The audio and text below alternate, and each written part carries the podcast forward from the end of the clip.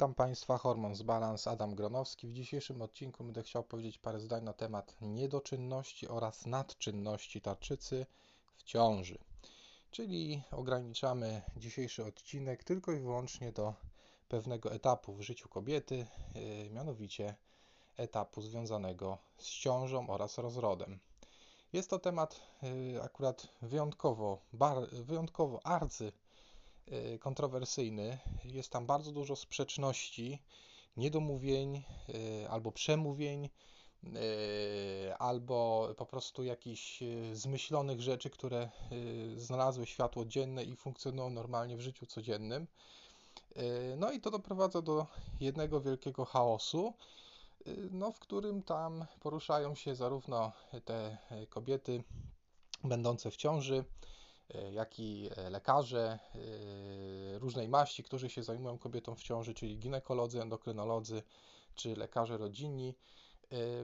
Oczywiście są pewne wytyczne, które to wszystko systematyzują, natomiast no, tam w dalszym ciągu w tych protokołach postępowania z kobietą z niedoczynnością czy nadczynnością tarczycy w ciąży jest więcej w sumie niedomówień niż faktycznie takich konkretnych wytycznych stawiających kropkę nad i. Y, drobny przykład. Y, przychodzi pacjentka będąca we wczesnej ciąży, no i przychodzi od ginekologa, y, ponieważ TSH ma tam załóżmy 3,5 albo 4. No i ginekolog powiedział, że natychmiast trzeba coś zrobić, ponieważ dziecko będzie z wadą albo się poroni ciąża i to się stanie niemalże z dnia na dzień. Albo inny przykład. Pacjentka, dotychczas zdrowa, bez żadnych dolegliwości, TSH 3,5-4, miesiączkuje regularnie, cykle ma owulacyjne.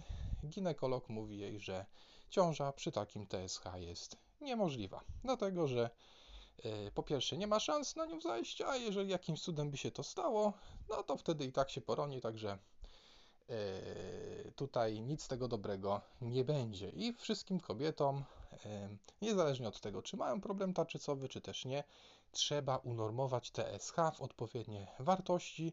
I tutaj też różne padają wartości. Ja usłyszałem różne wersje, takie w zasadzie od 0,5 e, do 1,5. E, no, najbardziej taką e, powiedzmy popularną wersją jest słynne obniżenie TSH do jedynki.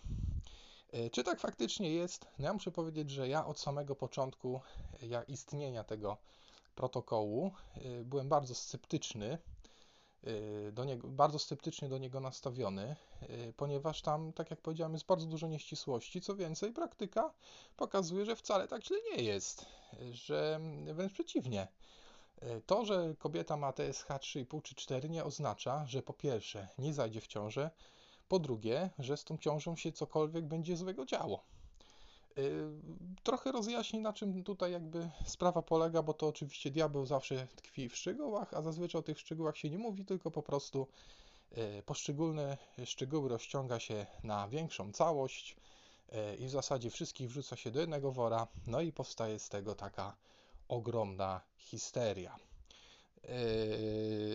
No i teraz przechodząc trochę już do sedna sprawy, mamy pacjentkę, która chce zaś w ciążę. Ma cykl owulacyjny, to TSH ma tam powiedzmy sobie trochę wyższy, ale jeszcze w dalszym ciągu w wartościach referencyjnych dla populacji, czyli powiedzmy dajmy na to ma TSH 4.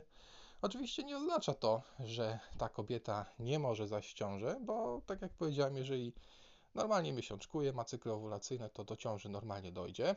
Natomiast tam yy, u takiej kobiety ta ciąża oczywiście, nawet gdyby specjalnie leczenia nie było wdrażanego, to też nic wielkiego by się generalnie z tą ciążą nie stało. E, natomiast e, no tutaj, jak już ta kobieta jest w tej ciąży i takie ma TSH, to wprowadza się pewien protokół postępowania z kobietą z niedoczynnością tarczycy w ciąży, który w Polsce jest jednym z najbardziej rygorystycznych na świecie. Y, na początku y, historia trochę tego protokołu. Mianowicie, kiedyś wykonano badanie, podzielono sobie y, ciężarne z TSH niższym niż 2,5, no i ciężarne z TSH wyższym niż 2,5, ale jeszcze w normie populacyjnej. No i zbadano dzieci urodzone z tych kobiet z jednej i z drugiej grup i w wieku przedszkolnym wykonano im, tym dzieciom, różne testy neuropsychologiczne, w których wykazano, że dzieci urodzone z kobiet z TSH wyższym niż 2,5 miały znamiennie statystyczne mniejszą ilość punktów zdobywanych w tych testach neuropsychologicznych w stosunku do dzieci urodzonych z kobiet z TSH niższym. No i to była taka y, fajna sprawa, bo można y, wywnioskować z tego badania, że wystarczy podać tylko Euterox bądź Letrox i będą rodzić się sami geniusze. Y, no i na tej podstawie opracowano ten protokół. No i w polskich warunkach on przyjął wartości właśnie na punkcie odcięcia poniżej 2,5 we wszystkich trymestrach ciąży, w pierwszym, drugim i trzecim. E, niektóre protokoły e, z Europy Zachodniej trochę większy dawały luz, to znaczy się e, na początku, pierwszy trymestr to było górna norma 2,5, drugi trymestr już 3, trzeci to było 3 albo 3,5. Natomiast z czasem, jak zaczęły się pojawiać różne inne badania, które troszeczkę zaczęły dementować te sensacy to sensacyjne pierwsze badanie, no to niektóre państwa, jak na przykład USA, powprowadzało dużo różnych innych udziwnień yy, w ten swój protokół. Także wychodzi na to, że nawet jeżeli taka kobieta ma załóżmy TSH4, to teoretycznie można z nią nic nie robić i nic wielkiego się nie wydarzy. W przypadku, jeżeli by miała na przykład ujemne przeciwciała. Także powstał jeden wielki bałagan. Niemniej jednak na tym e, ta wieść rozeszła się dosyć szybko po środowisku lekarskim. Ginekolodzy zaczęli opowiadać, że ciąże są niemożliwe, albo że będą wadliwe, albo że się poronią. E, to samo lekarze rodzinni wszystkim kobietom zaczęli sprowadzać do jedynki to TSH. E, no i tak to wygląda, że w tej świadomości jeszcze takiej społecznej czy internetowej, w przestrzeni internetowej, zaczęły krążyć te historie typu na przykład, że 17-latka doradza 17-latce, że może pojechać sobie z chłopakiem pod namiot, ponieważ jeżeli TSH ma wyższe niż 2 lub hiperpolaktynemię, to działa to ja antykoncepcyjnie i ciąża jest niemożliwa. No i takie to jest finał generalnie funkcjonowania w przestrzeni publicznej pewnych danych, które są totalnie do, niedoprecyzowane. Ale wracając jeszcze do naszego protokołu. Jest takie sensacyjne zjawisko, co się nazywa hipotyrooksynemia ciężarnych, czyli to mamy taką sytuację, że TSH jest w normie, ale wolne hormony taczycowe są yy, obniżone. I to jest taka sprawa też dosyć e, ciekawa, ponieważ to zjawisko, no nie wiadomo było jak to ugryźć. Też jakieś tam badanie wykazało, że yy, Y, dzieci urodzone z matek z hipotyreksonemią ciężarnych y, też mają gorszą tę ilość punktów w tych te testach neuropsychologicznych robionych w wieku przedszkolnym, no więc pomyślano, że no może coś warto by było z tym zrobić. Niektórzy autorzy podnosili, że jest to kwestią po prostu namnożenia się ilości białek łączących, które wiążą to, tą wolną tyroksynę i w związku z tym ta frakcja się obniża, natomiast całkowita tyroksyna jest wysoka, więc nie ma tutaj co panikować. No i też nie wiadomo było, jak terapeutycznie do tego podejść. Czy tylko obserwować, czy wprowadzić jod, e, czy wprowadzić eutyrox, a może jedno i drugie. No i generalnie drogą konsensusu ustalono, że w związku z tym, że są pewne przesłanki mówiące o tym, że mózg płodu, mielinizacja e, e, neuronów ośrodkowego, ośrodkowego układu nerwowego, mielinizacja różnych połączeń neuronalnych, zależy bezpośrednio od tyroksyny, nie od triodotyroniny, która odpowiada za metabolizm, tylko od tyroksyny i to jeszcze w mechanizmach takich wręcz bezpośrednich, wynikających z pobudzenia y, pewnych receptorów takich pozaklasycznych dla tyroksyny. No to na tej podstawie, skoro już wiadomo jest, że ta, promowanie tej mielinizacji zależy od, tych od tyroksyny, no to i dodatkowo jeszcze wiemy, że pierwszy trymestr to jest ten czas, kiedy ten zarodek, czy później płód jest całkowicie zależny od hormonów matczynych. No i w związku z tym tutaj największy punkt ciężkości składzony właśnie na ten pierwszy trymestr i ustalono, że po prostu jeżeli występuje takie zjawisko hipotyreoksynemii ciężarnych, to ma to głębszy sens, żeby coś z tym robić, czyli na przykład wprowadzić małe dawki euteroksu bądź e, jod e, właśnie w pierwszym trymestrze ciąży, gdzie płód czy zarodek na wcześniejszym etapie jest całkowicie zależny od hormonów matczynych, sam nic nie jest w stanie jeszcze na tym etapie wytworzyć. No później już ten płód robi się coraz bardziej niezależny, od 20 tygodnia ciąży około już otrzymuje, wytwarza swój własny receptor dla TSH, więc ta niezależność robi się coraz większa. No i można w zasadzie powiedzieć, że już na przełomie drugiego z trzecim trymestrem powolutku już robi się całkowicie niezależny od hormonów matczynych. No i w zasadzie przyjmowanie tego autoroksu w trzecim trymestrze, szczególnie w tych późnym, w późnym trzecim trymestrze już za wiele nie zmienia, e, jeżeli chodzi o promocję mielinizacji e, połączeń neuronalnych ośrodkowego układu nerwowego u tego płodu, e, ponieważ on już jest prawie że od tych hormonów matczynych niezależny. Poza tym e, hormony tarczycowe podawane w tabletce no, muszą jeszcze przejść przez matkę, przez organizm matczyny, przejść przez pępowinę i dopiero przedostać się do krwiobiegu płodu. To jest długa droga. No i tak y, farmakokinetycznie stosunkowo niewielka frakcja hormonów tarczycowych podanych z zewnątrz tam trafia do tego płodu, także to jest druga sprawa, która no jest dosyć ciekawa, że y, tylko pewna ilość i to też jeszcze y, mocno zmienna trafia do tego, ostatecznie do tego płodu, tych hormonów podanych matce.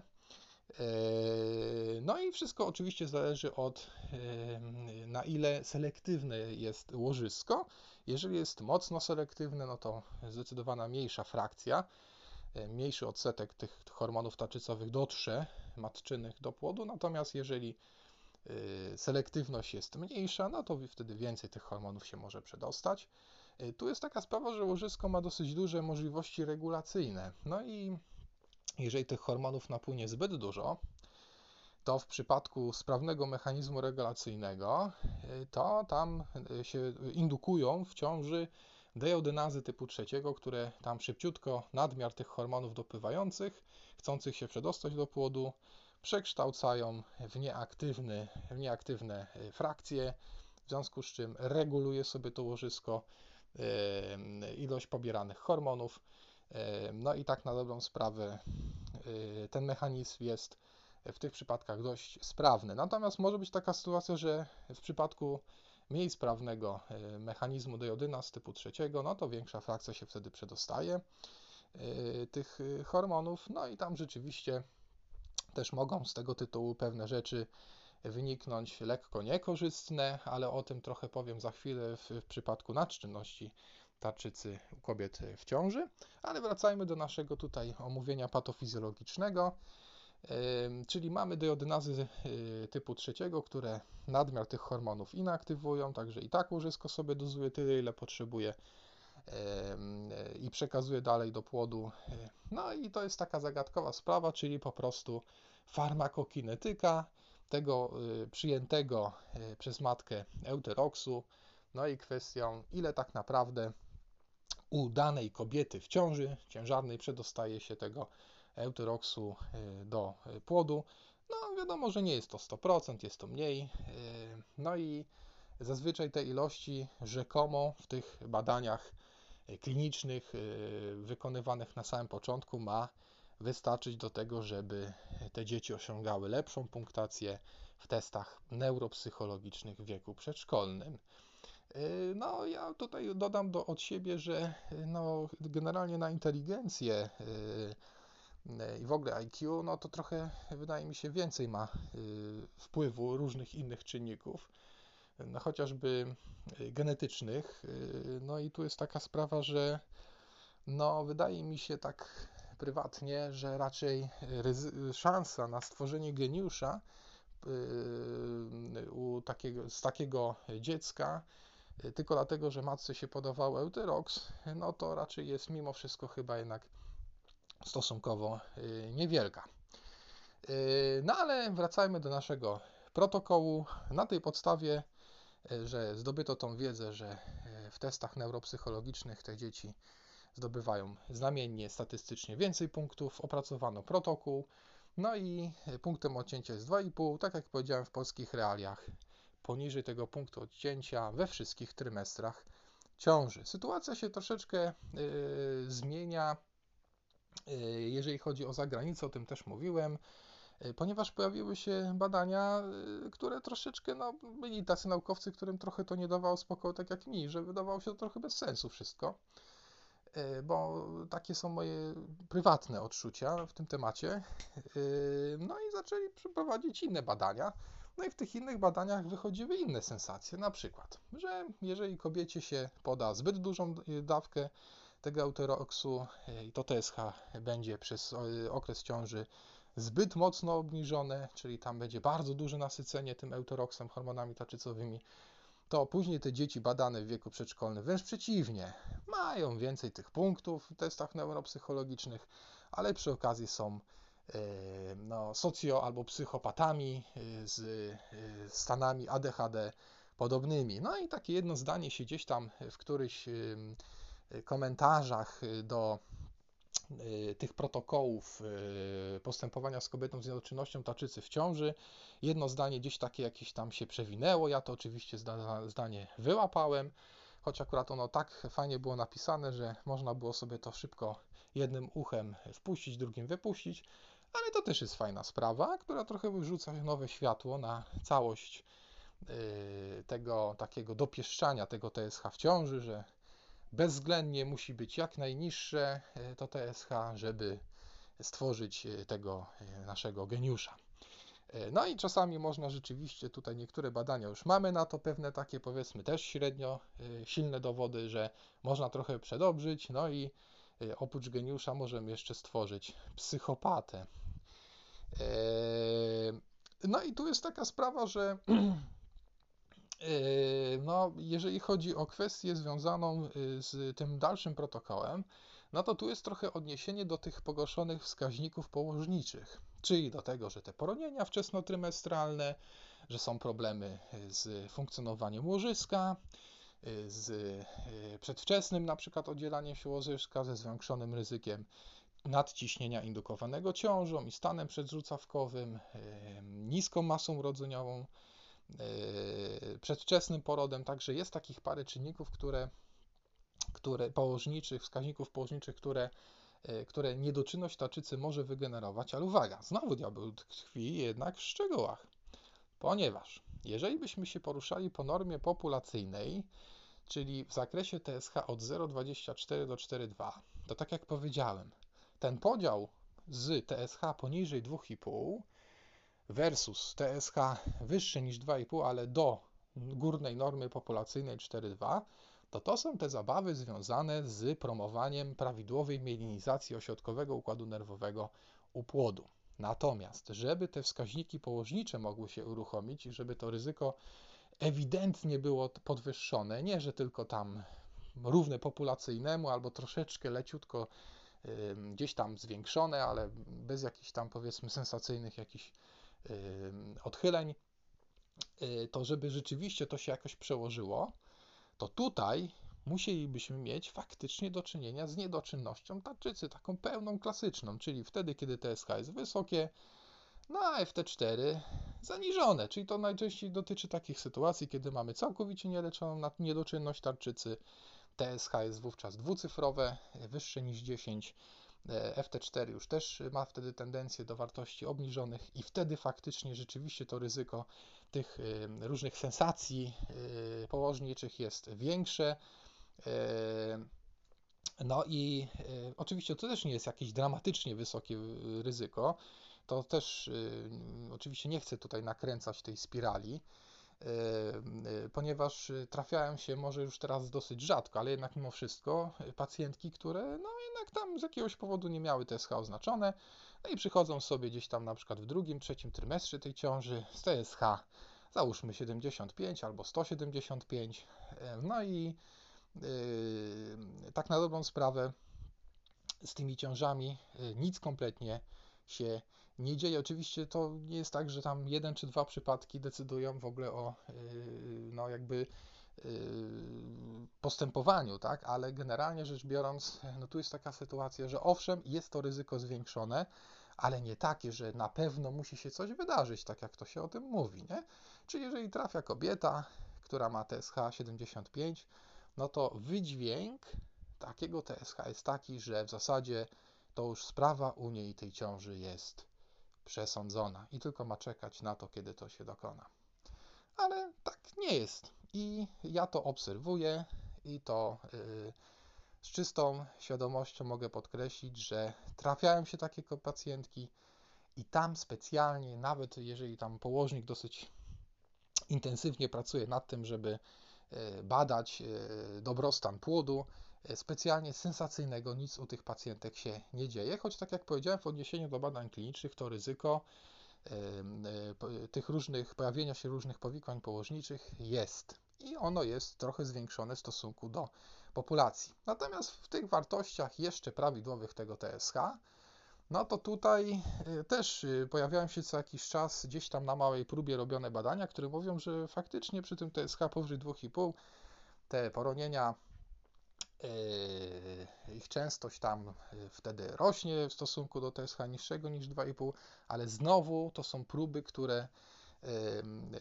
które tak na dobrą sprawę no, cały czas budzą podstawowe kontrowersje. Po pierwsze, nikt nie napisał ani nie wyjaśnił, w jakim mechanizmie miałoby się to dokonywać. Co miałoby spowodować yy, takiego, że TSH na przykład 3,1 miałoby spowodować, że u takiej pacjentki dojdzie do poronienia.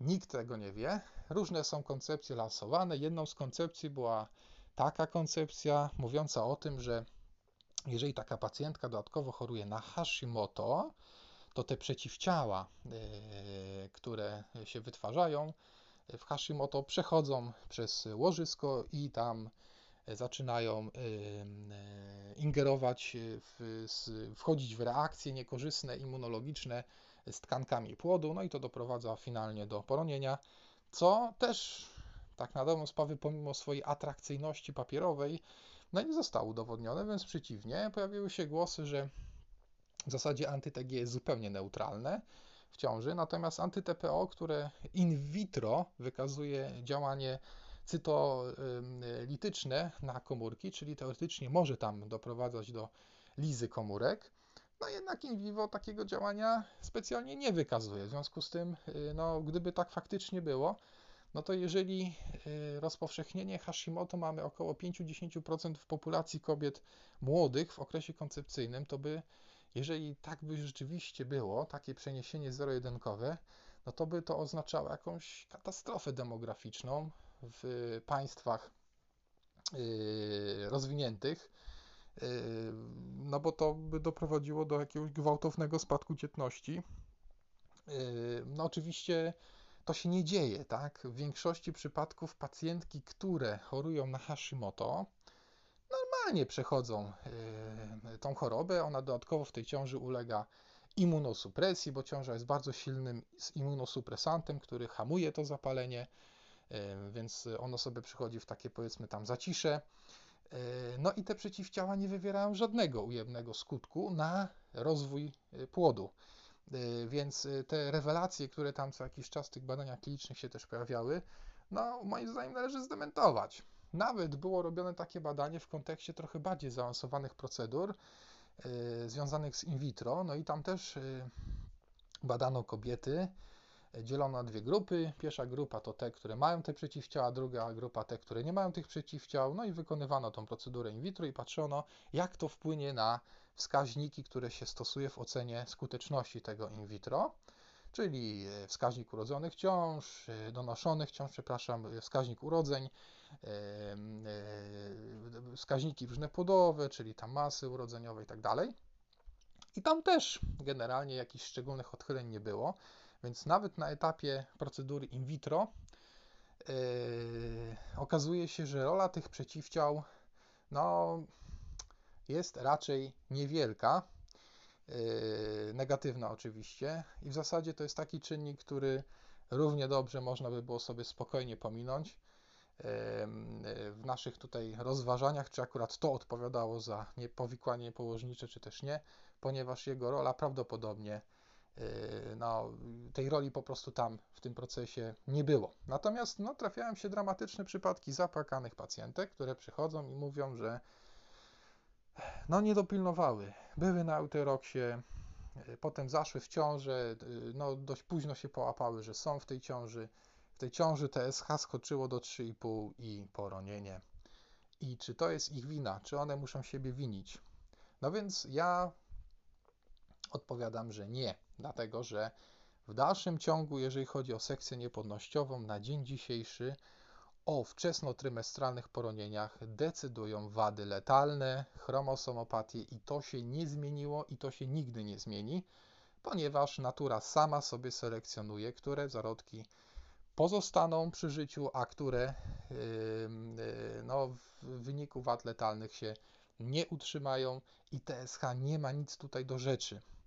Yy, więc yy, oczywiście prawdopodobieństwo, że akurat tak się trafiło przy tym TSH 3,5 i tym poronieniem, no jest oczywiście można asocjacyjnie te dwa czynniki ze sobą łączyć i niektórzy nawet lekarze w akcie rozpaczy rzeczywiście tutaj mówią tak, to przez to TSH i koniec, tam nie ma innej możliwości niż ta. E, no, problem polega na tym, że to jest taka yy, sprawa, która nie za bardzo może się sama obronić, ponieważ no, no co, no powiedzieli 3,5, tak, jest wiadomo, że poniżej 2,5 powinno się utrzymywać to TSH, także no musiało się to dokonać w ten sposób. Ja muszę powiedzieć, że ja bym powiedział coś zupełnie odwrotnego. Poronienie dokonało się z innych przyczyn, natomiast TSH było czynnikiem całkowicie od, tym, od tego procesu niezależnym. Co więcej, mam taką własną, prywatną koncepcję. Oczywiście jest to koncepcja, która y, gdzieś tam siedzi tylko w moim umyśle, y, mianowicie taka, że i tak ten proces patologiczny doprowadzający do poronienia się dokonał, a odpowiedzią organizmu matczynego na to poronienie jest to, że to TSH w ogóle skoczyło do góry. Czyli nie sytuacja taka, że skoczyło TSH i to spowodowało, że ciąża się straciła, tylko na odwrót, ciąża się straciła, no i w wyniku tego, tak trochę to sytuacja przypomina, jak człowiek jest, y, na przykład przechodzi jakieś tam, y, jakąś infekcję, y, albo żyje w stresie, intensywnie uprawia wysiłek i oznaczy to TSH i też mu jakiś dziwny wynik wychodzi, podwyższony, to tutaj właśnie trochę na zasadzie takiego stresu fizycznego spowodowanego utratą ciąży, też może wzroś, do, dojść do wzrostu tego TSH, tak jak w tych przypadkach, co mówiłem, e, czy właśnie takiego e, intensywnego wysiłku, nieprzespanej nocy, czy infekcji.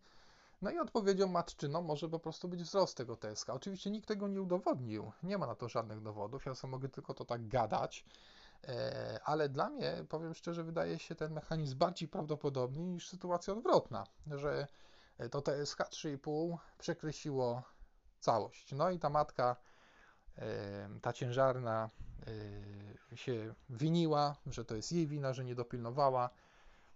No i po rozmowie z nią, wytłumaczeniu, że prawdopodobnie nie miało to żadnego wpływu, że nic złego nie zrobiła, no dopiero wtedy sytuacja troszeczkę została opanowana, ponieważ nie mam żadnych takich przesłanek racjonalnych, ku temu, żeby stwierdzić, że przy tym TSH 3,5 właśnie to poronienie zaszło, tak? No bo to się wydaje irracjonalne. Nie znam mechanizmu, nie znam patofizjologicznego uzasadnienia tej sytuacji. Wiem tylko, że zrobiono badanie, które wykazało, że yy, ta mielinizacja układu, yy, ośrodkowego układu nerwowego, yy, że no, ten wskaźnik, te wskaźniki położnicze owszem, trochę się pogarszają, ale już przy tej faktycznej niedoczynności tarczycy prawdziwej, czyli z niedoborem hormonu, y, wolnych hormonów i istotnym wzrostem TSH.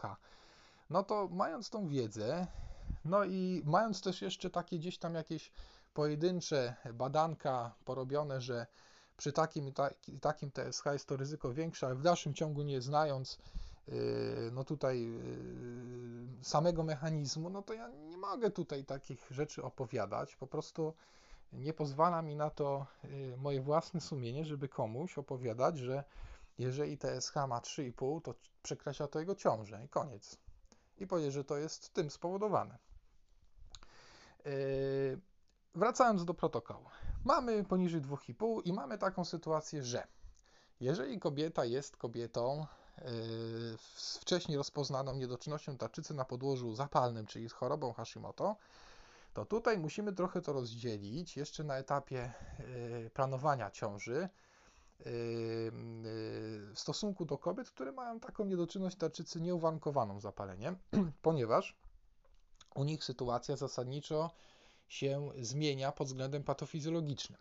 No i tak jak jest powiedziane, że w Hashimoto w okresie planowania ciąży powinno się już to TSH zawczasu obniżać odpowiednio poniżej 2,5 max, e, optymalnie w jedynkę, no to tutaj powiem szczerze, że ma to dla mnie powiedzmy e, sens patofizjologiczny, takie zalecenie, ponieważ jest ryzyko, że taka, cięża, taka kobieta planująca ciążę z Hashimoto w momencie, jak w tą ciążę zajdzie, to bardzo szybko może dojść do wyczerpania tak zwanej rezerwy tarczycowej, która jest bardzo chwiejna i e, niestabilna pod wpływem tego zapalenia. No i może dojść do takiej sytuacji, że szybciutko te hormony matczyne zostaną e, wykorzystane przez matkę i płód, no i wtedy odpowiedź tej tarczycy na, na wzrost TSH no może być taka no, słaba może być, y, dlatego że tą tarczycę dławi zapalenie no i ta rezerwa może ulec szybkiemu wyczerpaniu.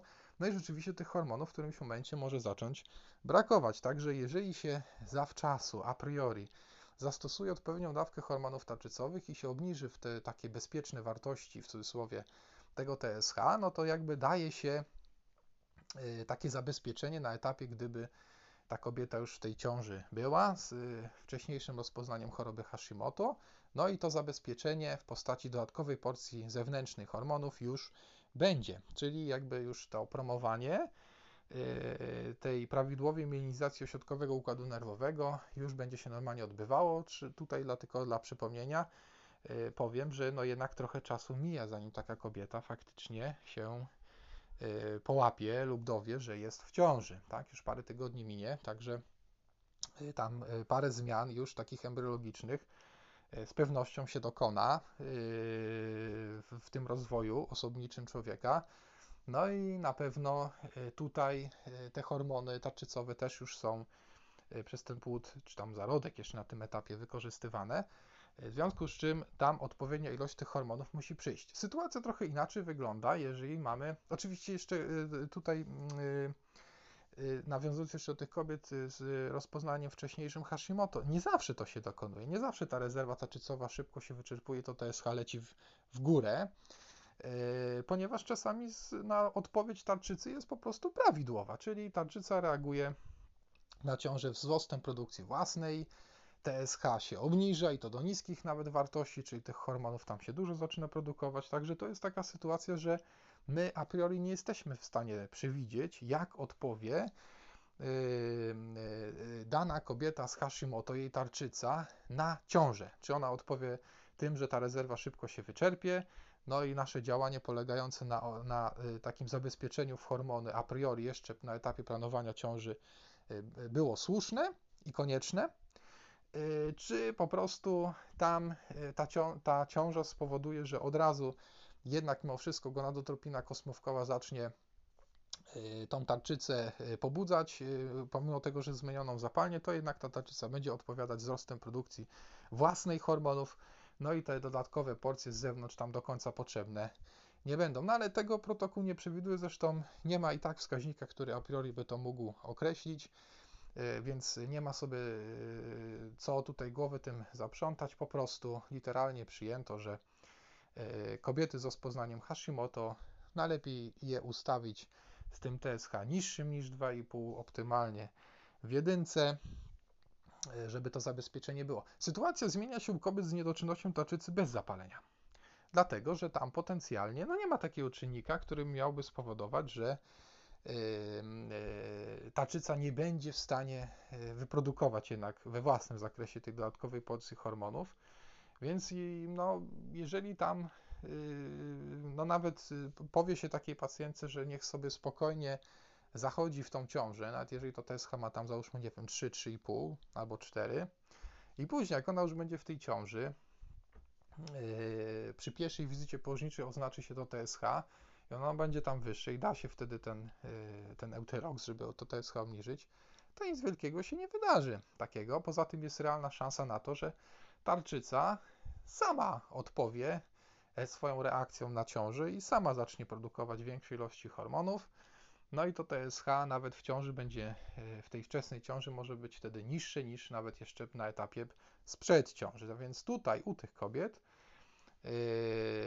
tak żeby obligatoryjnie sprowadzać to TSH do jedynki, to ja powiem szczerze, że ja tej zasady specjalnie się nie trzymam. Yy, i podchodzę do tego bardzo liberalnie. I co więcej, nie widzę też, żeby jakieś to negatywne, negatywne ciągnęło skutki dla tych ciężarnych lub dla tych płodów yy, lub przebiegu samej ciąży. No i sytuacja trzecia, ostatnia, kiedy jest, mamy do czynienia z zupełnie zdrową kobietą, która, której się trafiło TSH w wysokości 4 na przykład.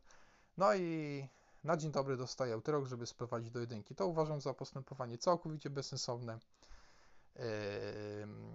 nic kompletnie nie wnoszące. Równie dobrze można by tej kobiecie zalecić i takie zalecenie parę lat temu weszło, żeby zastosować wraz z kwasem foliowym na 3 miesiące przed planowaną ciążą dodatkowo jod profilaktyczny w ilości od 100 do 200 mikrogramów i zasób organizmu w ten jod będzie już odpowiedni. Jak zajdzie sobie w ciążę, przy pierwszej wizycie położniczej i tak musi mieć oznaczone TSH.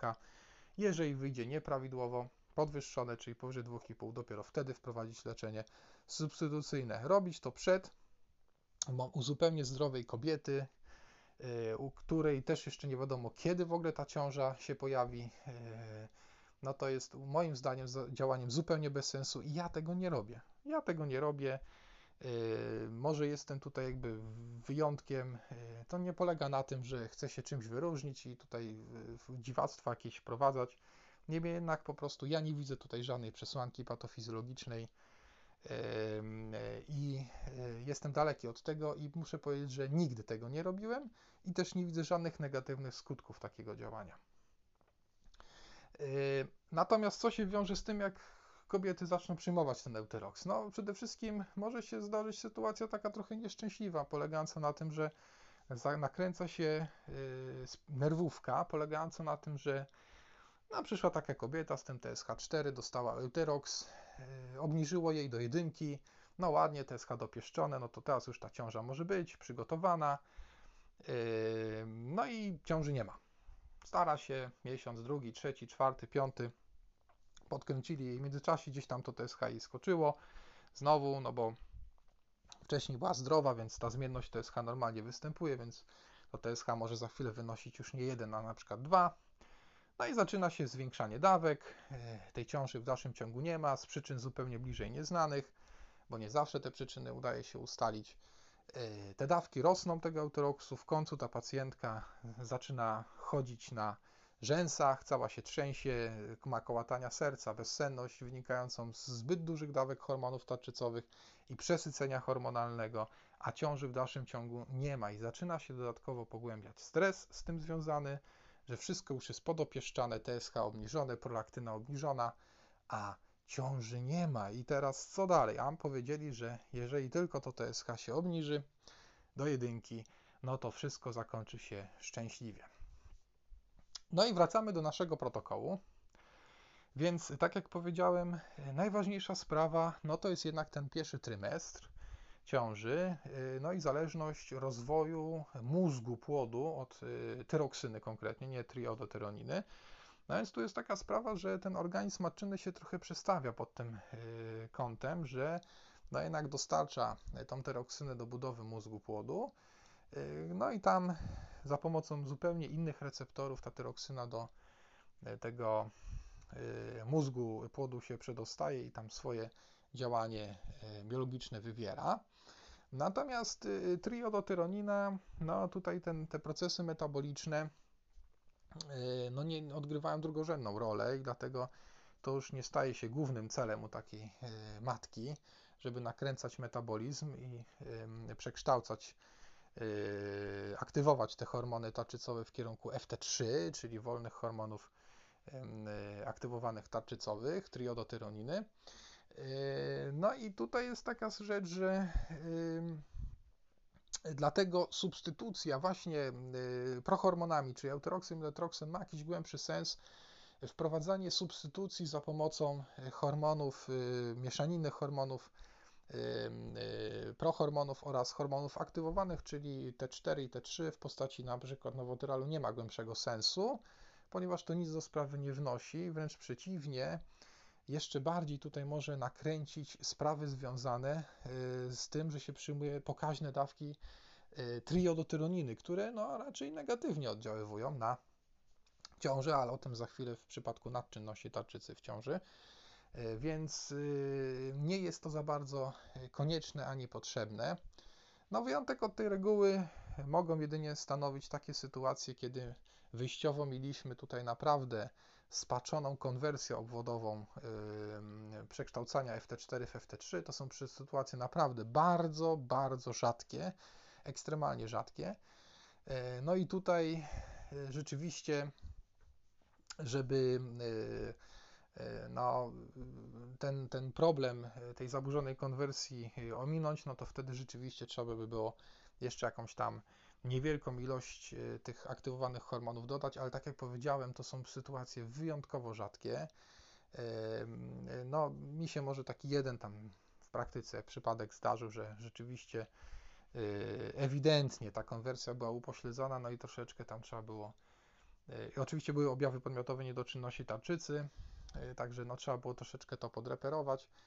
E, dodając, e, podając do mieszkę tych hormonów e, aktywowanych, te trzy triodotyroniny, ale tak jak powiedziałem, to są ekstremalnie rzadkie przypadki. Leczenie bazuje na zastosowaniu prohormonów, czyli letroksu bądź eutroksu w małej dawce. No i sprawa kolejna to jest już o kwestii Hashimoto już była mowa co należy zrobić na etapie planowania ciąży, co w ciąży, jaki jest wpływ tych przeciwciał na samą ciążę, e, na rozwój. Generalnie rzecz biorąc, jeżeli mamy do czynienia z nieleczoną e, niedoczynnością tarczycy u kobiet w ciąży, czyli wracam trochę do tego, co powiedziałem jakiś czas temu, że trafiają czasami kobiety z bardzo wysokim TSH i zaniżonym FT4, te ciąże najczęściej przebiegają prawidłowo, nic się tam u nich nie dzieje. Yy, ponieważ yy, no, tu jest taka sprawa, że jednak mimo wszystko płód, niezależnie od tego, co się dzieje z matką, i tak za wszelką cenę będzie dążył do tego, żeby zapewnić sobie odpowiedni dobrostan, yy, czyli nawet jeżeli matka dysponuje małą ilością hormonów, to on będzie brał wszystko to, co jest potrzebne do tego, żeby jednak w te hormony zabezpieczony był. Plus jeszcze oczywiście własna produkcja, niemniej jednak, jeżeli zdarzają się takie przypadki tak zwanej wrodzonej niedoczynności tarczycy u płodu, e, no to może dojść do takiej sytuacji, że rzeczywiście e, pewne takie wskaźniki w profilu biofizycznym tego płodu się mogą ujawnić, już na etapie ciąży można to wyłapać.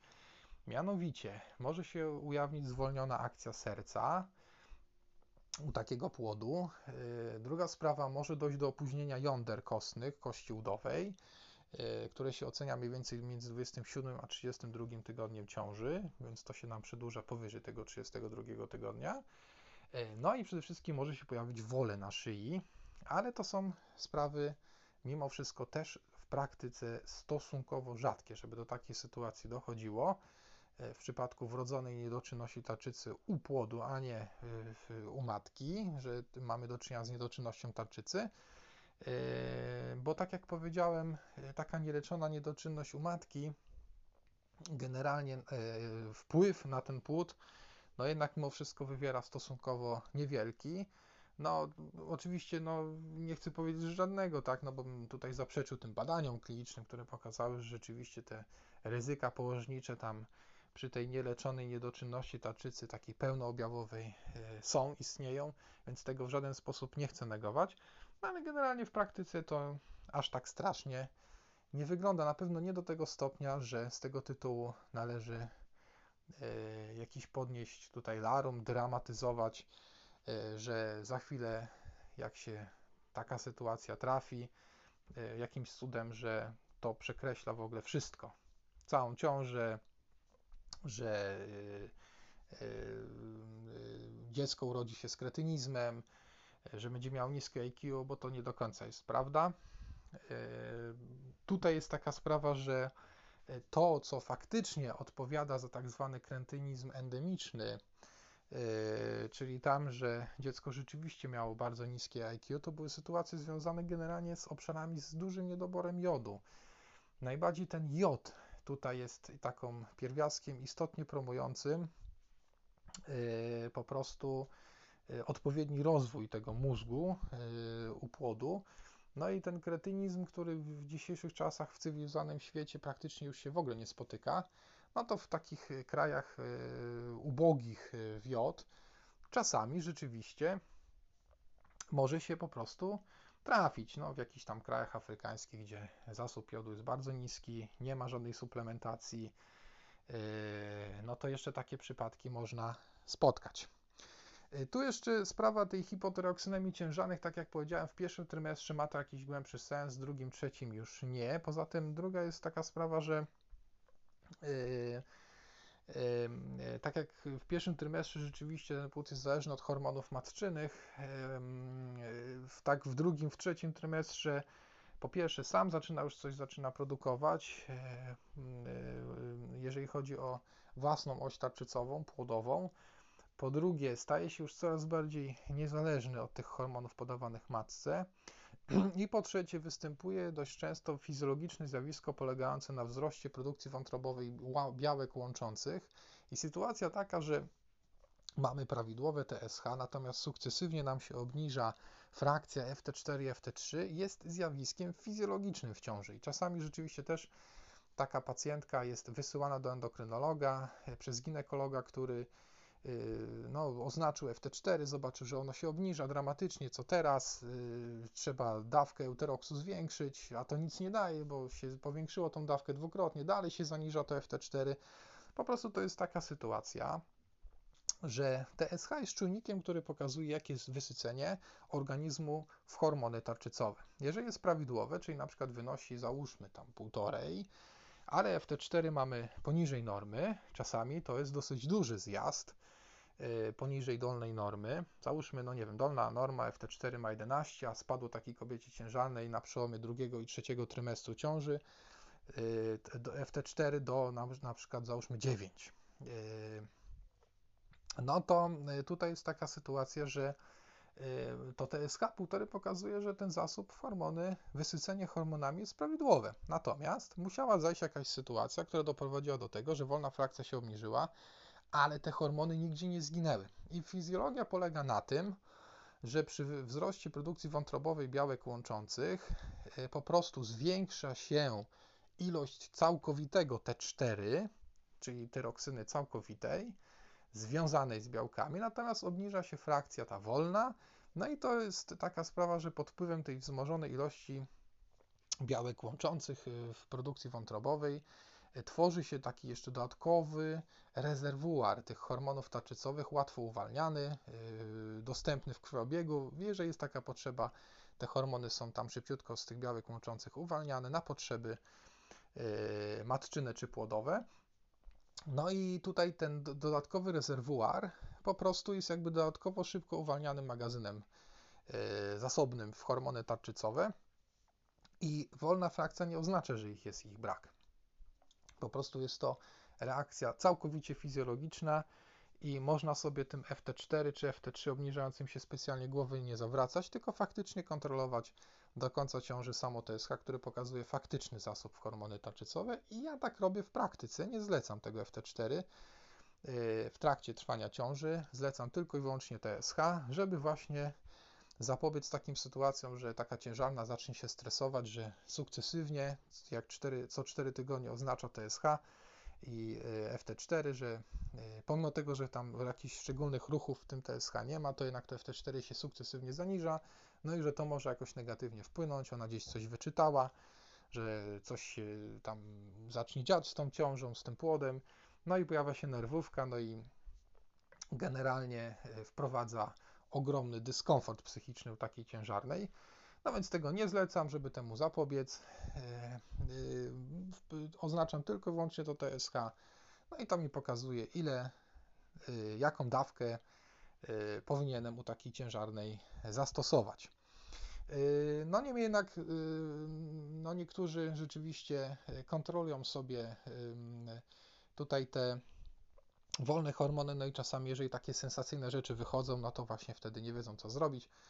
No i próbują jakoś tam zwiększać dawki tego utroksu, to oczywiście nie za bardzo jest skuteczne, ponieważ no ten, ta produkcja wątrobowa tworzy dość duży rezerwuar i tam naprawdę pojemność tego rezerwuaru jest duża, więc y, tam naprawdę pokaźnej ilości y, tych hormonów może ten magazyn przyjąć.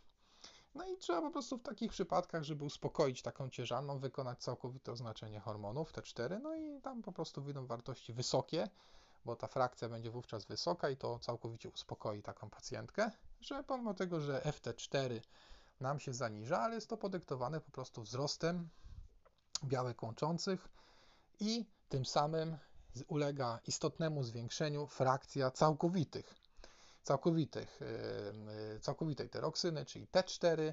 No i po prostu raz mi się te, też taka sytuacja zdarzyła, że y, no, pacjentka wyjątkowo tutaj podchodziła do tej ciąży z ogromnym strachem, ponieważ tam były liczne próby naturalnego zapłodnienia nieudane, Potem in vitro też nieudane, w końcu już tam zdążyła się zestarzeć, także już w grę wchodziły kwestie obniżonej rezerwy jajnikowej, więc to już był kolejny powód do zmartwień, czy się w ogóle uda.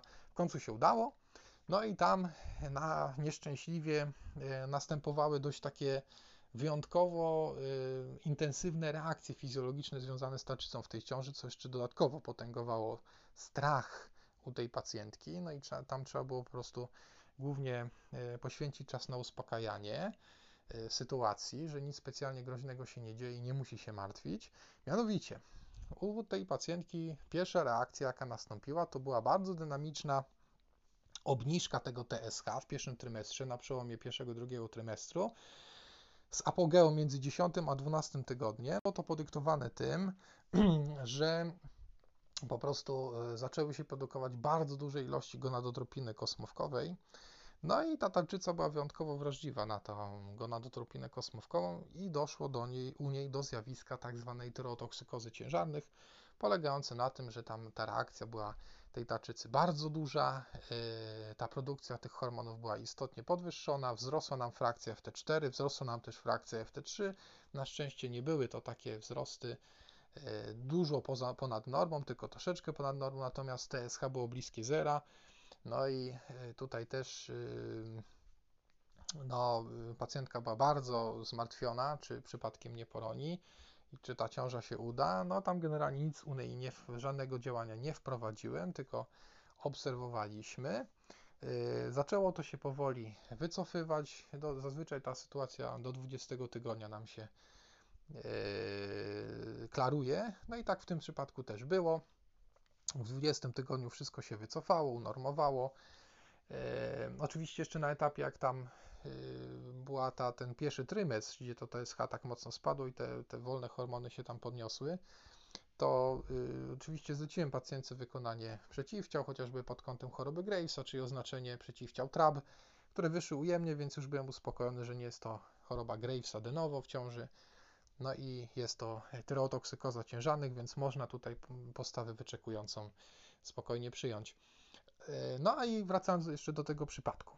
Nie minęło po tym 20 tygodniu tam 4-6 tygodni i zaczęła się sytuacja inna.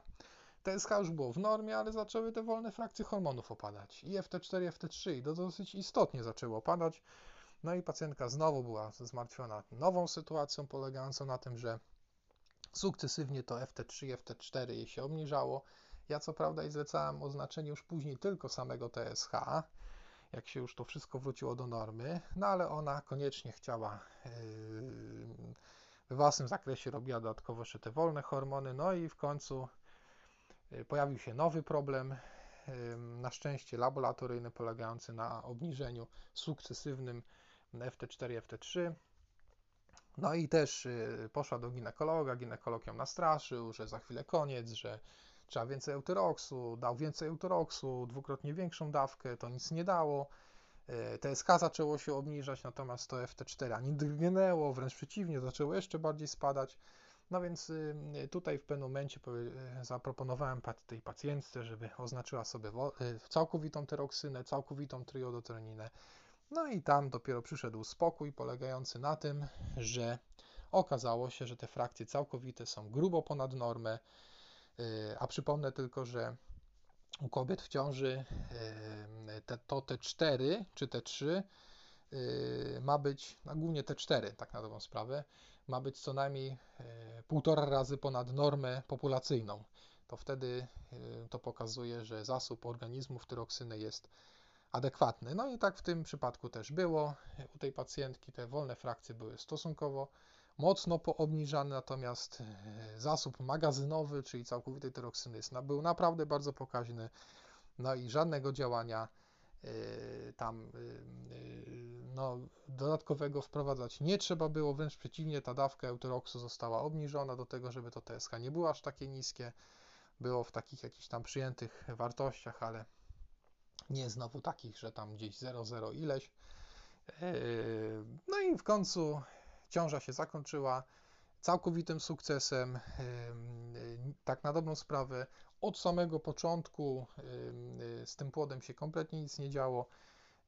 Później, jak już ten płód był trochę starszy, ten określenie tego dobrostanu nie wykazało żadnych kompletnie, na żadnym etapie odchyleń od normy poród przebiegł bez żadnych powikłań, okres okołoporodowy bez żadnych powikłań, dziecko jest zdrowe, matka jest szczęśliwa i syn też jest szczęśliwy. Już teraz tam y, pewnie już będzie miał y, no, parę lat na, na karku.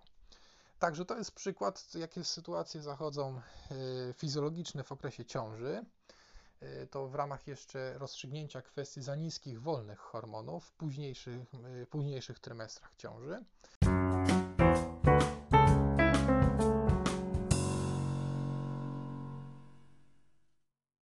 No i teraz kwestia nadczynności tarczycy w ciąży.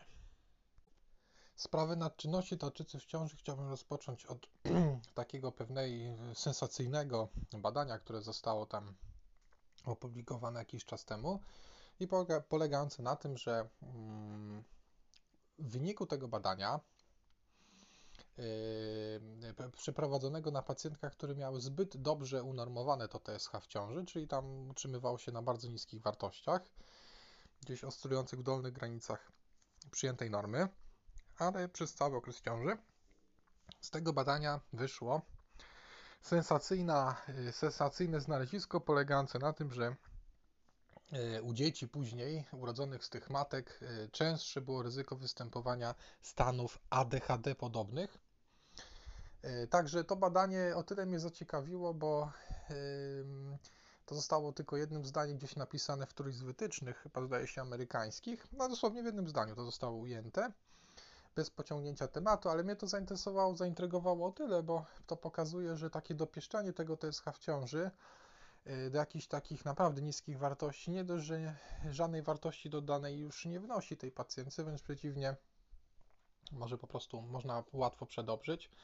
Oczywiście nie traktuję tego badania jako jakiegoś kontrbadania w kierunku tego innego badania, na podstawie którego opracowano te protokoły postępowania z niedoczynnością tarczycy e, w ciąży, e, mówiące o tych właśnie test, testach neuropsychologicznych na dzieciach urodzonych z niższym, wyższym TSH.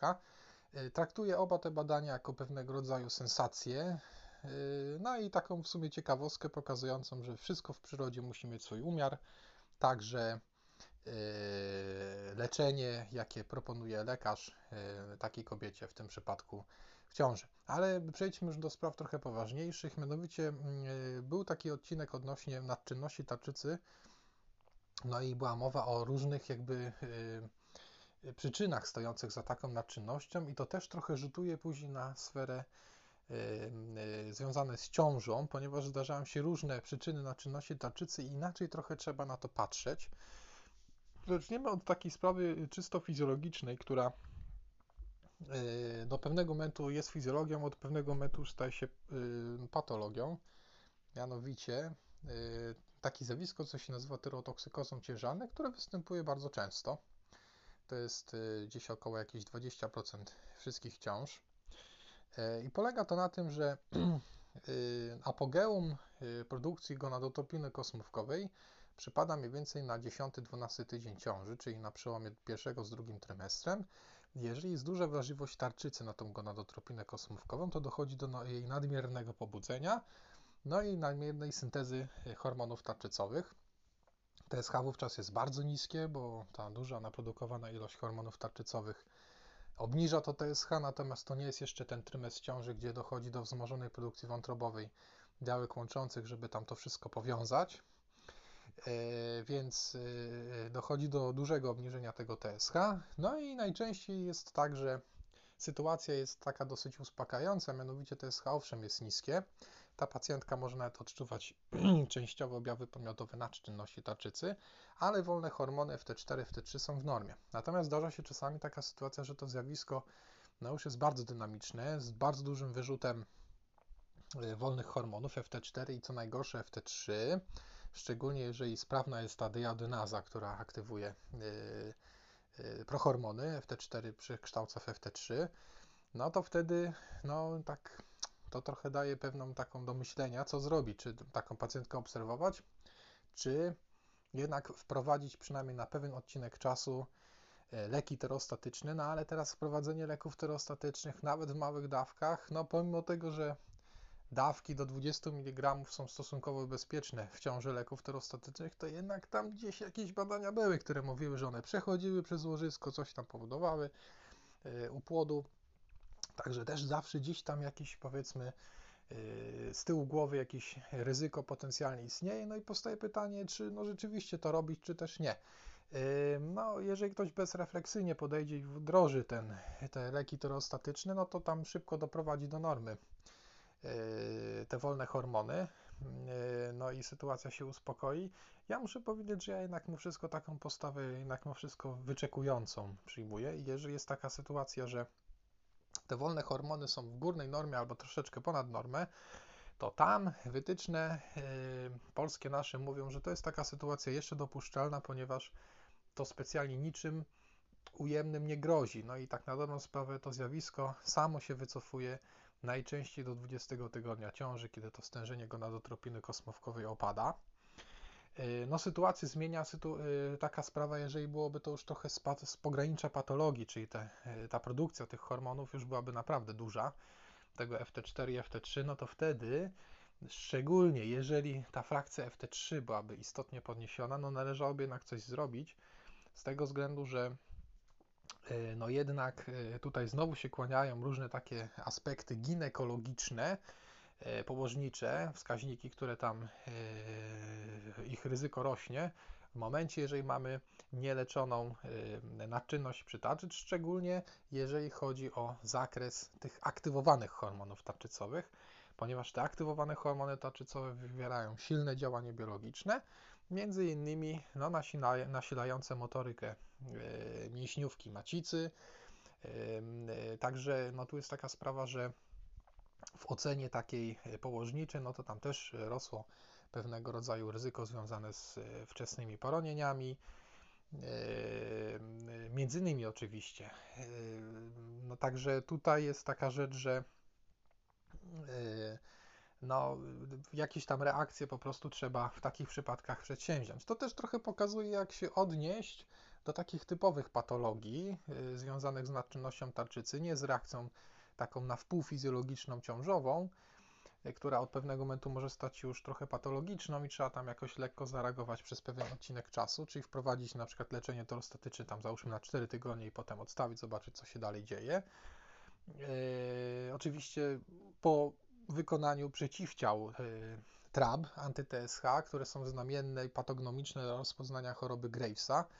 Y, to zawsze trzeba zrobić, bo Graves de novo nigdy nie ustąpi. Może oczywiście tam y, następować jakaś zmienność w tej funkcji tarczycowej, ale generalnie rzecz biorąc, tam jest no, kilka takich jeszcze czynników, na które trzeba zwrócić uwagę, o których za chwilę powiem. Więc jednak z chorobą Gravesa należy postąpić w ten sposób, że no jednak trzeba mieć to pod kontrolą w ciąży. Tyrotoksykoza ciężarnych mija sobie sama, niezależnie od stopnia nasilenia, prędzej czy później, ale yy, generalnie rzecz biorąc do 20 tygodnia, czasami w tych cięższych przypadkach do 24 yy, wycofuje się całkowicie. No i przy cięższym przebiegu można tam jakieś małe dawki tych tyrostatyków. Ja powiem szczerze, chyba w jakimś tam nielicznych przykładach się na to zdecydowałem, to wtedy, kiedy rzeczywiście te wolne hormony były wysokie. No i tam na 4-6 tygodni niewielkie dawki e, tyrozolu bądź metizolu wdrożyłem. Takie dawki rzędu około 10-5 mg na dobę. Potem oczywiście z tego zrezygnowałem i ciąża była prowadzona bez leczenia po 20 tygodniu ciąży. Natomiast yy, może się zdarzyć taka sytuacja, że mamy naczynność tarczycy uwarunkowaną guzkiem nadczynnym. Taką pacjentkę też całkiem niedawno prowadziłem. Ta pacjentka cały czas przez całą ciążę i w ogóle jeszcze wcześniej yy, przed ciążą miała obniżone to TSH poniżej yy, dolnej normy, no i podniesioną frakcję FT4. Szczęśliwie w takich przypadkach yy, jako wole guzkowe nadczynne tam nie ma tego pobudzenia deodynas obwodowych, więc to przekształcenie FT4 w FT3 nie jest zbyt intensywne. W związku z tym to ryzyko położnicze jest naprawdę zupełnie inne niż by to FT3 było istotnie podniesione. W związku z czym tam u niej zdecydowałem się na obserwację tej nadczynności przez cały okres ciąży. Nie podejmowałem kompletnie żadnego działania, nie wprowadziłem leczenia tyrostatykami. E, zresztą pacjentka nie chciała w ogóle tych tyrostatyków stosować w ciąży. Stwierdziła, że nie i tyle. Yy, no i obserwowaliśmy przez cały okres ciąży, to przez cały okres ciąży to TSH się utrzymywało troszeczkę niższe, FT4 na trochę wyższym poziomie ponad normę, FT3 było w normie, tam się nic kompletnie z tą ciążą nie działo. No, yy, no zawsze powstaje tylko problematyczne odniesienie do tych sensacyjnych badań. Czy takie niższe TSH przez cały okres ciąży i podwyższone FT4, pomimo tego, że na samą ciążę nie wpłynęło w żaden sposób negatywnie, to czy y, tam to dziecko później w tym wieku przedszkolnym rzeczywiście będzie miało jakieś tam problemy ADHD podobne, no tego na razie nie jestem w stanie powiedzieć, ponieważ y, my żeśmy zadanie zakończyli, y, ciążę przeprowadziłem bez żadnego leczenia, obserwacyjnie, poród przebieg bez zapowikłań, natomiast no już sprawa po porodzie wygląda w ten sposób, że ta pacjentka po prostu radykalnie załatwiła sprawę z tym wolem guzkowym nadczynnym, po prostu poddała się leczeniu radiojodem, bo w ciąży oczywiście takie działanie jest przeciwwskazane, natomiast po ciąży już można różne opcje rozpatrywać, yy, między innymi opcje radykalne yy, związane z yy, chirurgicznym zaopatrzeniem albo właśnie leczeniu radiodem. No i na to drugie właśnie ta pacjentka się zdecydowała, natomiast o dziecku e, na dzień dzisiejszy wiadomości nie mam, e, jak ono tam się rozwija w sensie e, takim psychomotorycznym.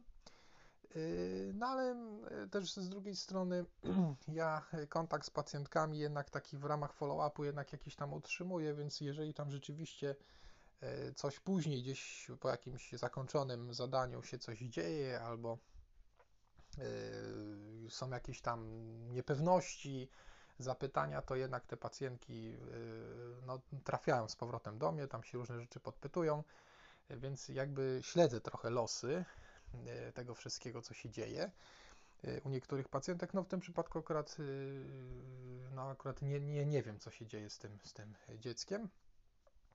Niemniej jednak była taka sytuacja, że zagrożenie ciążą utratą ciąży, pomimo tego, że potencjalnie ginekolog powiedział, że, że no, może do tego dojść, bo mamy nadczynność i w ogóle, to jednak tutaj zawsze diabeł tkwi w tych szczegółach. Tak długo, jak nie było, była to taka nadczynność uwarunkowana wolem guzkowym nadczynnym, a nie chorobą Gravesa, w związku z tym nie było dużej aktywacji w FT3, w związku z tym ta motoryka mięśniówki nie miała prawa być jakoś szczególnie tam E, podniesiona, no i w związku z tym to ryzyko położnicze też jest zdecydowanie mniejsze. Sytuacja zmienia się, jeżeli mamy rozpoznanie choroby Gravesa, czyli taka sytuacja, kiedy nam wyjdzie albo w ciąży de novo e, dodatnie przeciwciała TRAB, anty-TSH, albo jeszcze przed ciążą leczone, E, albo takie paradoksalne sytuacje, że pacjentka kiedyś miała chorobę Gravesa, potraktowali ją e, radiojodem, czyli ona de facto już wtedy była w niedoczynności tarczycy, natomiast te przeciwciała po tym radiojodzie wzrosły, istotnie to miano wzrosło, ona w tym czasie zaszła w ciążę i doszło do nadczynności tarczycy u płodu, pomimo tego, że sama matka była w niedoczynności tarczycy, także paradoksalna taka sytuacja, ale o tym za chwilę. E, no i tutaj jest trochę inna sytuacja, ponieważ w przebiegu choroby Gravesa jest duża aktywacja w kierunku FT3. Te frakcje, e, te proporcje FT4 do FT3 ewidentnie się przesuwają na korzyść FT3, no i wtedy te ryzyka położnicze faktycznie opisywane w literaturze mają prawo się ziścić. Oczywiście to nie jest jakieś dramatycznie wysokie ryzyko znowu, tak żeby to jakoś tam powiało jakąś taką grozą, że no nie ma szans, niemniej jednak no, trzeba mieć to gdzieś na uwadze, że takie ryzyko e, istnieje i to jest związane po prostu z tym niekorzystnym działaniem zbyt dużej frakcji e, FT3 i nadmiernym pobudzeniem współczulnego układu nerwowego między innymi, no i chociażby wpływie na motorykę mięśniówki macicy, no ale też tam później było parę innych takich wskaźników położniczych, których ryzyko rosło, mianowicie ryzyko y, hipotrofii wewnątrzmacicznej, y, ryzyko przedwczesnego porodu, przedwczesnego y, odklejania się łożyska, niskiej masy urodzeniowej, ryzyko nadciśnienia indukowanego ciążą i stanu przedzrzucawkowego. No i przede wszystkim na poziomie samego płodu ten wpływ nadmiarowych hormonów na, na, na takie wskaźniki typowo płodowe, ale uwaga, Taka sytuacja nie dotyczyła, nie dotyczyła tego, że mieliśmy nadczynność tarczycy u matki i y, wzrost y, wolnych hormonów FT4 i FT3, który to właśnie przepływając przez łożysko doprowadzał, że u płodu się te zmiany dokonywały. Nie, to nie dotyczyło takiej sytuacji, ponieważ, tak jak powiedziałem, łożysko ma bardzo duże zdolności samoregulacyjne i potrafi sobie nadmiar dopływających y, hormonów zaktywowanych FT3 po prostu zutylizować i pobrać sobie tylko tyle, ile potrzebuje. A tak na dobrą sprawę w większości potrzebuje tyroksyny, a nie triodotyroniny. Y, więc y, te zdolności samoregulacyjne płodu są duże. Ja mówię o takiej sytuacji, kiedy te przeciwciała patognomiczne dla choroby Gravesa, TRAP, przedostawały się swobodnie przez łożysko i te w przeciwieństwie do przeciwciał E, padognomicznych do rozpoznania e, Hashimoto, czyli antyTP, antyTG, to te przeciwciała reagują z tarczycą płodu i one e, doprowadzały do nadczynności płodowej. Czyli to była taka sytuacja, że te przeciwciała przedostawały się przez pępowiną do krwiobiegu płodowego, reagowały z tarczycą płodową, doprowadzały do wola płodowego, do przyspieszonej akcji serca i do przedwczesnego kostnienia y, jąder y, kostnienia y, kości udowej jeszcze przed 27 tygodniem ciąży, no i powodował nadczynność płodową. Taka sytuacja nie w każdym przypadku choroby Gravesa de novo występuje. Mówi się tutaj trochę takie małe odniesienie do literatury, że to ryzyko nadczynności płodowej rośnie w momencie, kiedy ilość tych przeciwciał TRAP przekracza czterokrotność normy. Natomiast przy, niższych, y, przy niższym mianie to ryzyko jest zdecydowanie mniejsze. Natomiast może dojść do takiej paradoksalnej sytuacji, polegającej na tym, że matka jest w niedoczynności już po leczeniu choroby Gravesa, na przykład radiojodem, dawno, dawno temu. Okres karencyjny po radiojodzie, kiedy w ciąży zachodzić nie można, już dawno minął, na przykład te 6 miesięcy. No i w międzyczasie po leczeniu radiojodem te przeciwciała, ich miano istotnie wzrosło, bo tak często się dzieje i utrzymywało się jakiś tam odcinek czasu, na przykład 2 lata. No i w międzyczasie ta pacjentka na przykład przypadkiem zeszła w ciążę, no i pomimo tego, że ona sama już była w niedoczynności tarczycy, bo ta tarczyca była tym radiojodem spalona i przyjmowała nawet dosyć duże dawki euteroksu substytucyjne, takie trzycyfrowe, to jednak te przeciwciała przechodząc przez łożysko u płodu generowały nadczynność płodową. No i trzeba było tak na dobrą sprawę ten problem rozwiązać w ten sposób, że y, no, dopłodowo pewnych rzeczy się nie poda, znaczy w badaniach takich powiedzmy tam eksperymentalnych y, pewne rzeczy dowodniowo się robi, ale y, no nie jest to na pewno codzienna praktyka, po prostu wykorzystuje się organizm matczyny jako przekaźnik do tego, żeby pewne rzeczy u płodu e, korygować. No i w tym przypadku chodzi o to, że trzeba takiej matce podać tyreostatyki, które się przedostaną przez ten przez, yy, przez łożysko, popłyną do płodu i zaczną hamować tą nadczynność tarczycy płodową. Natomiast u matki oczywiście też będzie efekt biologiczny, będzie jeszcze pogłębiało tą niedoczynność tarczycy, w związku z tym zapotrzebowanie na hormony tarczycowe w ramach substytucji może być jeszcze większe. No ale to jest taka patologiczna, dziwna sytuacja, która wymaga właśnie takiego działania, a matka jest tym takim e, jakby e, przekaźnikiem e, tego wszystkiego, łącznikiem między jakby płodem a tym, tą ingerencją lekarską. No i do takich właśnie kuriozalnych, z pozoru wydających się zupełnie nielogicznych sytuacji po prostu może dojść. Co więcej, może się taka sytuacja trafić, że te przeciwciała trap nabiorą w ciąży zupełnie innych właściwości, zamiast być pobudzającymi, czyli doprowadzającymi do nadczynności tarczycy upłodu, mogą zadziałać hamująco, czyli spowodować niedoczynność tarczycy upłodu. I tu się kłania ta kwestia z tym, co mówiłem jakiś czas temu odnośnie tego kretynizmu endemicznego, że najczęściej to jest jednak kwestia niedoboru jodu na szczególnych takich obszarach ubogich wiod. Polska do takich obszarów generalnie nie należy ale może dojść do, na, na naszych y, szerokościach geograficznych do takiej sytuacji, jeśli byłaby taka sytuacja, że mielibyśmy do czynienia z chorobą Gravesa, z niedoczynnością tarczycy, którą właśnie generują te przeciwciała hamujące funkcję tarczycową. No jeżeli one by były w dużym mianie i przechodziły przez łożysko do płodu, no to tam też mogłyby spowodować niedoczynność tarczycy u tego płodu i faktycznie byłaby to taka namiastka wrodzonej niedoczynności tarczycy u tego płodu i wtedy rzeczywiście ten kretynizm miałby szansę się tam z tym obniżonym IQ jak najbardziej zyścić. Wtedy też postępowanie polega na tym, żeby za wszelką cenę te przeciwciała e, doprowadzać do ich e, e, jednak zaniku, stosując paradoksalnie leki terostatyczne, które wykazują takie działanie, czyli po prostu hamujące po pierwsze nadczynność w tym momencie, mamy do czynienia z niedoczynnością, więc ta niedoczynność jeszcze by nam się paradoksalnie pogłębiła, ale tutaj działanie polegałoby bardziej na tym, żeby te tyrostatyki po prostu wykazywały swoją drugą właściwość immunologiczną, ingerującą w po prostu spadek miana tych przeciwciał TRAP, które za tą niedoczynność odpowiadają.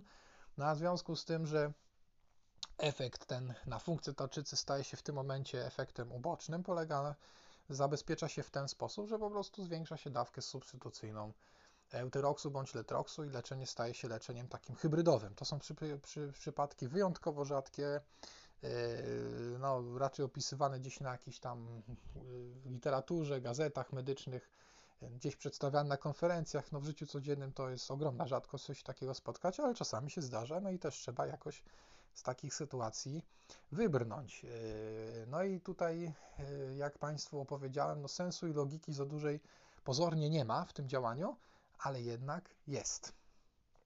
I jeszcze mamy taką sytuację, że może nam się przytrafić taka sytuacja, bo to jeszcze nie, jakby nie jest ta wisienka na torcie całkowita, może nam się trafić taka sytuacja, że mamy jednak przeciwciała pobudzające, podajemy yy, matce tyreostatyki w ciąży, bo ma chorobę Gravesa z nadczynnością tarczycy.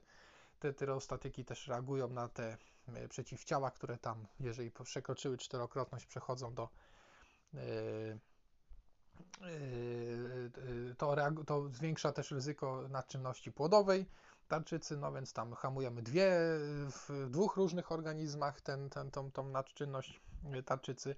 No i może dojść do takiej dziwnej sytuacji, że jeżeli no, przesadzi się z tą dawką tych leków terostatycznych, i doprowadzi się do takiej sytuacji, że pojawi się nawet taka jatrogenna, czyli spowodowana zbyt dużą dawką leków terostatycznych niedoczynność płodowa, to takie dziecko urodzone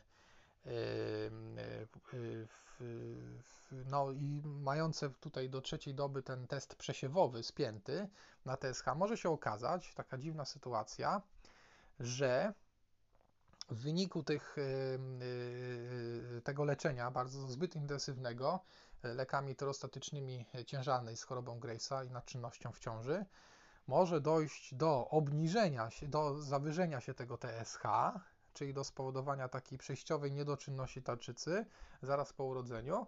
No i potem, jak już ten okres półtrwania tych leków, które się przedostały do tego krążenia płodowego, już ulegną wypłukaniu, może znowu ujawnić się nadczynność taka przejściowa u tego płodu, trwająca jakiś dłuższy odcinek czasu, która wynika z tego, że utrzymują się w dalszym ciągu e, przeciwciała te trab, które przepłynęły do łożysk, przez łożysko do krążenia płodowego.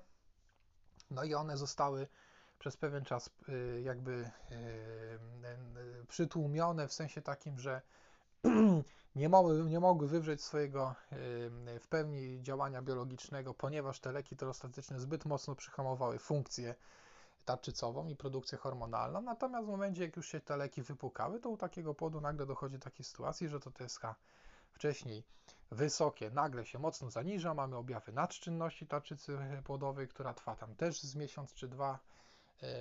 No i e, dopiero kończy się w momencie, kiedy te przeciwciała TRAP zostaną wypłukane z tego krążenia e, płodowego. Najczęściej to się dokonuje, jak książka podaje, literatura do 3 miesięcy po porodzie. No i wtedy wszystko, cała ta funkcja zawirowania funkcji tarczycowej e, u tego płodu, czy tam noworodka już teraz, dopiero ulegną wyciszeniu. E, więc takie zawirowania czasami mogą powstać, które rzutują na przykład na chociażby wysokość tego TSH w badaniu przesiewowym wykonywanym spięty w trzeciej dobie.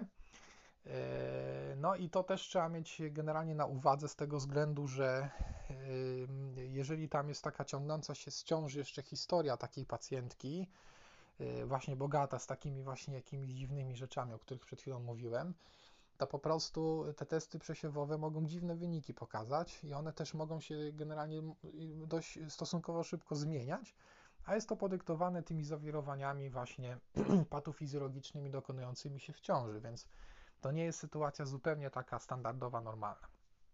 Tak na marginesie test przesiewowy spięty w trzeciej dobie, dobie jest głównie testem przesiewowym pod kątem tak zwanej wrodzonej, prawdziwej niedoczynności tarczycy, czyli e, to nie jest taka sytuacja, że mamy do czynienia z wrodzoną niedoczynnością tarczycy, ale przejściowo uwarunkowaną na przykład hamującymi przeciwciałami E, hamującymi tarczycę przeciwciałami TRAP, które tam owszem powodują tą niedoczynność, ale jak ulegną już wypłukaniu z krwi, no to już e, nie ma tego wpływu u płodu.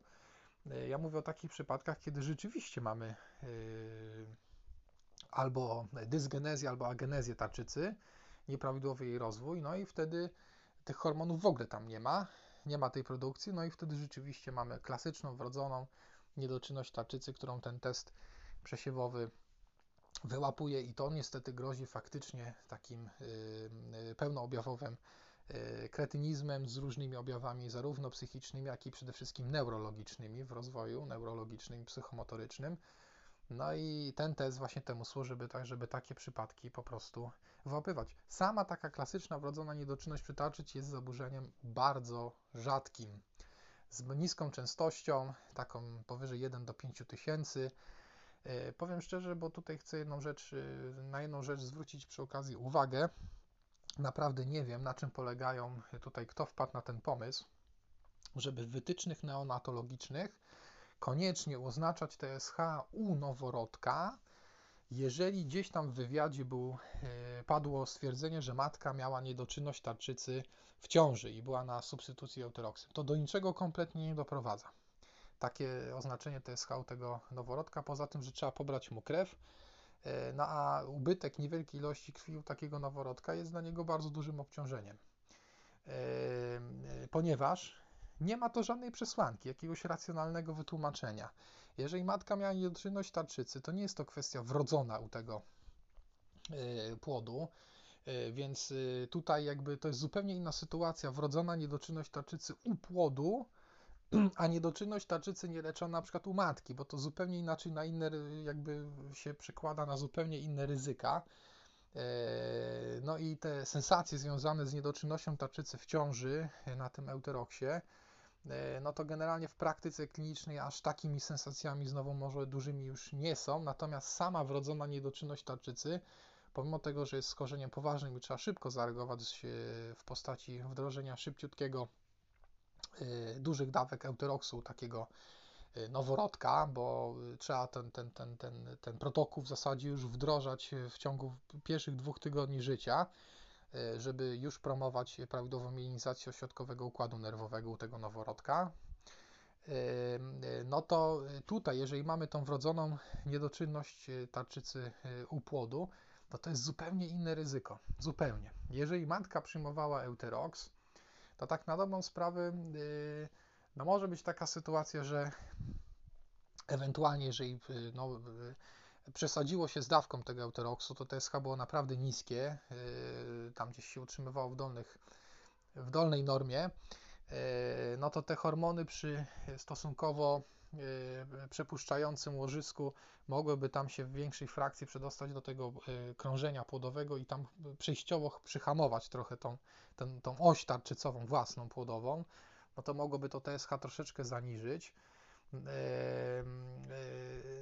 Ewentualnie w ten sposób mogłoby to zadziałać. Natomiast no, sytuacja taka, że miałoby to się w jakiś sposób przenieść na płód, czy później już na tego noworodka, bo matka miała niedoczynność tarczycy w ciąży, no tutaj nie ma w ogóle takiej jakby, no w ogóle żadnego punktu jakby wspólnego zaczepienia, kompletnie.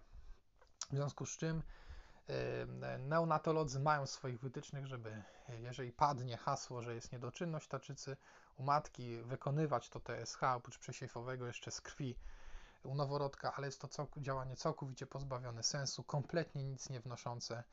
E, ten test przesiewowy robiony spięty jest testem wystarczającym do tego, żeby e, te przypadki wrodzonej niedoczynności tarczycy u płodu prawdziwej wyłapywać. I tak jak powiedziałem, jest to sprawa rzadka. Niemniej jednak y, na tyle ten test przesiewowy jest skuteczny, że, wszelkie, że jego y, przeprowadzenie na skalę masową wyłapują te przypadki, pozwalają na szybkie wprowadzenie y, substytucyjnego hormonów tarczycowych po to, żeby ten, ten noworodek, to dziecko mogło się prawidłowo rozwijać psychomotorycznie. No i ostatnia sprawa, no tutaj jest tylko pewien jeden wyjątek od reguły, związany z tym, że może dojść po prostu do niedoczynności tarczycy centralnej, na przykład spowodowanej wadami rozwojowymi przesadki, e, no to wtedy rzeczywiście to TSH nie będzie w tym teście przesiewowym wysokie, za wysokie, tylko wręcz przeciwnie, będzie w normę, natomiast wolne hormony będą obniżone u tego noworodka, no i ten, te, takie przykłady, e, takie, takie patologie e, ten test przesiewowy nie wyłapie, ale taka postać wrodzonej niedoczynności tarczycy typu centralnego jest naprawdę bardzo rzadka. To jest częstość jeszcze rzadsza, taka większa niż 1 na 10 tysięcy. I tak na dobrą sprawę, yy, no żeby nie yy, wydarzyło, no to trzeba mieć wyjątkowy P.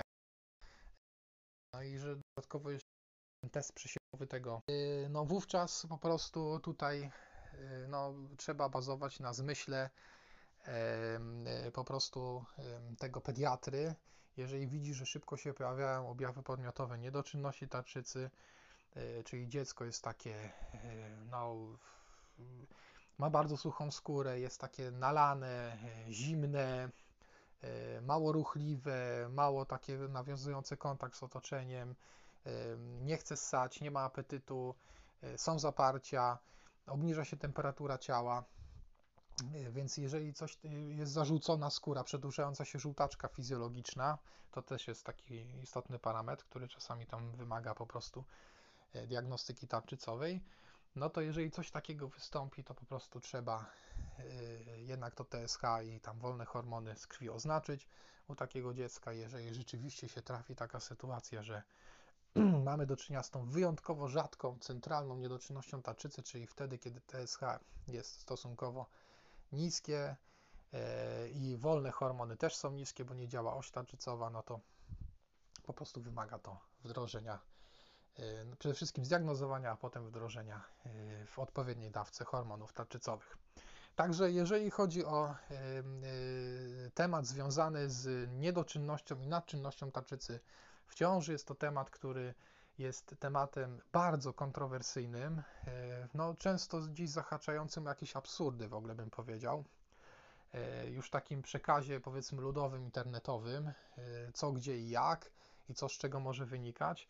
No niestety część lekarzy powiela ten, ten jakiś tą, tą, tą histerię, tą patologię związaną z tym wpływem tej tarczycy na być albo nie być, jeżeli chodzi o ciążę W praktyce to wygląda zupełnie inaczej i to nie chodzi o to, żeby to całkowicie zanegować, że y, kwestie niedoczynności czy tam nadczynności tarczycy w ciąży można sobie po prostu olać i zwyczajnie tą ciążę prowadzić, y, udając, że się nic nie dzieje. Tak oczywiście nie można zrobić, ale trzeba zachować w tym umiar, ponieważ w wiele takich sytuacji się po prostu zdarza, że wprowadza to ogromne zamieszanie, ogromną y, dozę niepokoju takiej e, ciężarnej, dany stan, który jeszcze no niefrasobliwie może dany lekarz po prostu dodatkowo podsycać, a tak na dobrą sprawę z tej dużej chmury y, po prostu finalnie spada bardzo mały deszcz albo w ogóle nie spada i trzeba po prostu racjonalnie do danego e, przypadku podejść, wytłumaczyć na czym rzecz polega. Jeżeli jest taka konieczność, to wdrożyć jakieś działanie korekcyjne, a jeśli nie, to obserwować, tak jak w przypadku chociażby tej pacjentki, której przykład podałem, że tam już pewne rzeczy zaczęły y, już w ogóle y, się kumulować, czyli raz, że wiek samej y, matki, druga sprawa, te no, niepowodzenia położnicze wcześniejsze, te próby nieudane, w końcu udana ciąża, ale z takimi zawirowaniami tarczycowymi, ginekolodzy nie wiedzieli, co z tym zrobić. No a tam generalnie okazało się, że przez całą ciążę spokojnie yy, trzeba było to wszystko obserwować bez jakiejś szczególnej ingerencji yy, w, w całokształt yy, i ciąża przebiega całkowicie normalnie, bez jakichś odchyleń, jeżeli chodzi o rozwój tego płodu, zakończona porodem normalnym, naturalnym, bez żadnych jakichś sensacji w okresie okołoporodowym. No i matka i zarówno dziecko mają się bardzo dobrze. Y, to tyle, jeżeli chodzi o temat związany z zaburzeniami funkcji tarczycy w ciąży. Dziękuję Państwu za uwagę i zapraszam do wysłuchania kolejnych odcinków.